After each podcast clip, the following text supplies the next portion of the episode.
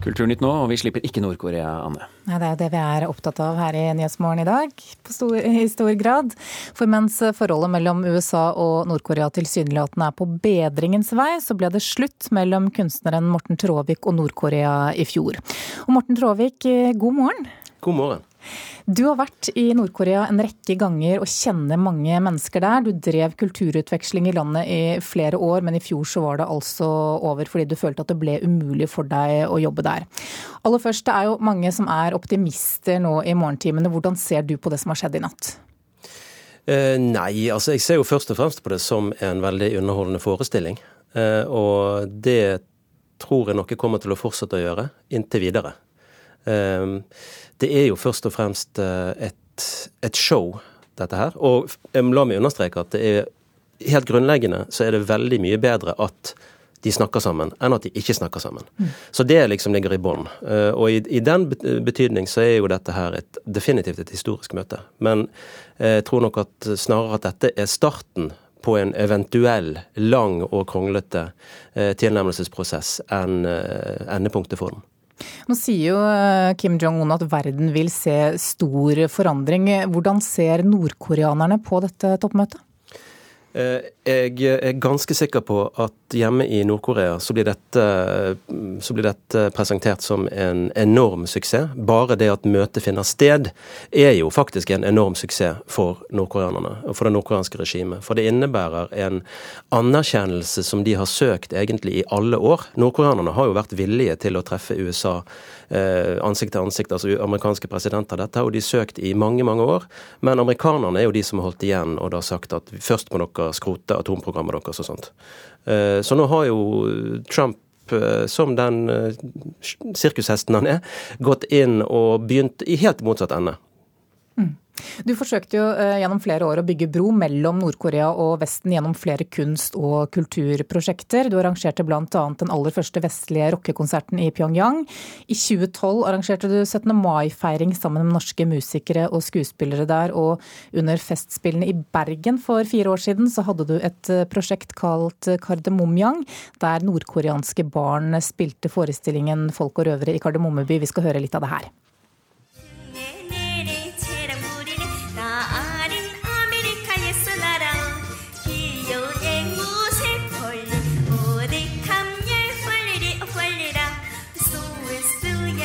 Jeg svarer følger og følger Jeg er papegøye fra Amerika.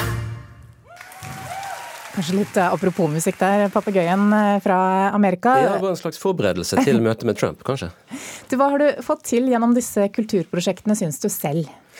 Jeg syns jeg har fått til eh, å skape en hel del forståelse begge veier for hverandres samfunn og hverandres kulturer. Og, og ikke minst å ha det litt gøy sammen. Eh, det blir alltid så gravalvorlig når eh, samfunn og problematikker som Nord-Korea kommer på banen. Og jeg tror at eh, det å ikke ta det så ekstremt høytidelig hele tiden, når alle eksperter skal sitte og være kjempealvorlige og verden holder pusten osv. Akkurat der så må jeg faktisk gi en liten honnør til Trump, for han kommer inn og tar det ikke så ekstremt alvorlig. For han er dette her et show, en forestilling, som jo politikk på mange måter er. Eh, og en sånn tilnærming kan være vel så produktiv som en mer eh, hva skal du si, pottetrent, eh, standardisert politiker- og diplomattilnærming. Men som sagt, vi får jo se. Det er ikke sikkert Trump er helt enig med deg i den vurderingen, da? Kanskje ikke i dag, men han kan jo ombestemme seg. Så har du også fått en del kritikk. Du er blitt beskyldt for å være en medhjelper for regimet der, bl.a. Hvordan ser du på det? Altså, Den typen kritikk kommer jo ifra de som vet minst om eh, både Nord-Korea og om meg og hva jeg holder på med. Altså Folk som eh, kan sitte på avstand og være moralsk indignert. Det Ja, altså, jeg tar gjerne debatten med dem, men eh, det, det er på en måte bare bortkastet tid. For du trenger ikke kaste bort tid på å diskutere med folk som allerede har bestemt seg. Nå har du uansett skrevet en reiseguide til Nord-Korea. Hva slags bok er det blitt? Den heter 'Forræderens guide til Nord-Korea', eh, og er jo, som du sier, en reiseguide til folk som er nysgjerrige på Nord-Korea. Og kombinert da med Eh, episoder, hendelser, erfaringer som jeg har gjort meg i løpet av de seks årene jeg har uh, vært mye på innsiden av Nord-Korea. Ting som jeg har ventet med å fortelle til jeg var frikobla nok. og det er jeg nå. Ja, Hva da? Ja, da får dere kjøpe boken som kommer på Aschehoug i slutten av september. Nei, altså eh, Blant annet har det jo skjedd ganske dramatiske ting eh, underveis. For eksempel så eh, da, sikkert, Du husker jo sikkert den amerikanske studenten Otto Warmbier, som da ble beskyldt for en ganske, i våre øyne ganske uskyldig forseelse og eh, kom hjem i koma og døde eh, etter å ha sittet eh, lang tid i fengsel. Eh, vi hadde en situasjon der en norsk fotograf begikk en forseelse som var langt mer alvorlig enn det Otto Warmbier var beskyldt for, eh, på en av turene han var med meg på. Eh, som dermed satte både seg sjøl og mine nordkoreanske medarbeidere, og også meg, i fare. Og da måtte vi også til forhandlingsbordet, sånn som Trump og Kim Jong-un gjør nå. Mm. Med et godt resultat? Ja, han, han, vi, vi, kom oss jo tilbake igjen, men det var, det var ikke langt ifra at det kunne gått mye verre. For de som eh, ikke kjenner Nord-Korea eh, så godt, hvordan stemmer den oppfatningen vi her i Norge og kanskje i Vesten generelt også har eh, av Nord-Korea, med det som er virkeligheten der? Oi, det er et stort spørsmål på, på et halvt minutt. Men eh, den både stemmer og ikke stemmer. Ehm, det er jo, Stereotypier og klisjeer er jo ofte det nettopp fordi at de har en rot i sannheten. Men eh, Nord-Korea er jo et sted som er blitt veldig, veldig unøyaktig og unyansert framstilt både av nordkoreanske regimet sjøl, eh, men like mye, og kanskje til og med mer, av eh, våre, vår mediefortelling. Så um, jeg vil nok si at um, et sted i, som det så ofte er, et sted i gråsonen mellom de to motstridende fortellingene, altså Nord-Korea er verdens verste land, som, som vi tenker, og Nord-Korea er verdens beste land, som nordkoreanerne får beskjed om å tenke. Eh, et sted der er det masse gråsoner og, og interessante ting som skjer, og noen av de har jo jeg prøvd å skildre i 'Forræderens guide til Nord-Korea'. Så hører jeg at du kaller dette toppmøtet i natt for en eh, forestilling. Men kan det bidra til at du gjenopptar prosjektene dine i Nord-Korea? Eh, akkurat nå så føler jeg meg ganske ferdig med, med, akkurat den biten. Jeg tror jo heller ikke at uansett hva som eventuelt blir resultatet, det konkrete resultatet av møtet, så tror ikke jeg at Nord-Korea kommer til å bli et åpnere samfunn av det. Eh, selv om de får et bedre forhold til USA, så tror jeg nok at det nordkoreanske regimet vet at enhver åpning mot omverdenen er en stor trussel. For det innebærer også frihet, og at folk får impulser utenifra.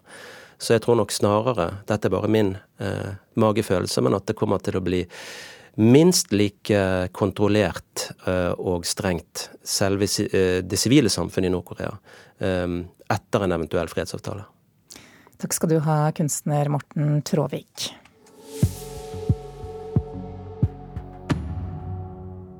Skal skifte tema nå. Alle som har en Facebook-side kan nå holdes ansvarlig for hvordan Facebook behandler personopplysningene til de som følger dem. Det skriver Dagens Næringsliv i dag, og kulturreporter Caroline Tolfsen, hva er grunnen til dette her? Jo, dette kommer jo altså med en ny dom eh, fra EU i tillegg til den nye personvernlovgivningen fra EU som kom i mai. Og det åpner altså for bøter og søksmål mot eh, tusenvis av eh, norske Facebook-sider og administratorer, enten det er privatpersoner eller store selskaper. Og personvernlovgivningen vil gjelde i Norge fra senest 1.7.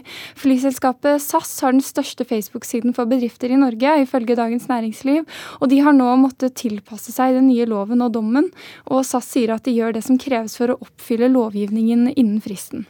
Og Dagens Næringsliv har også en liste over de største Facebook-sidene her eh, i landet. Hvem eh, finner vi der? Jo, her finner vi alt fra bilsiden Team Drift Monkey til Topp, Visit Senja, Norwegian og flere artister, blant andre Kygo.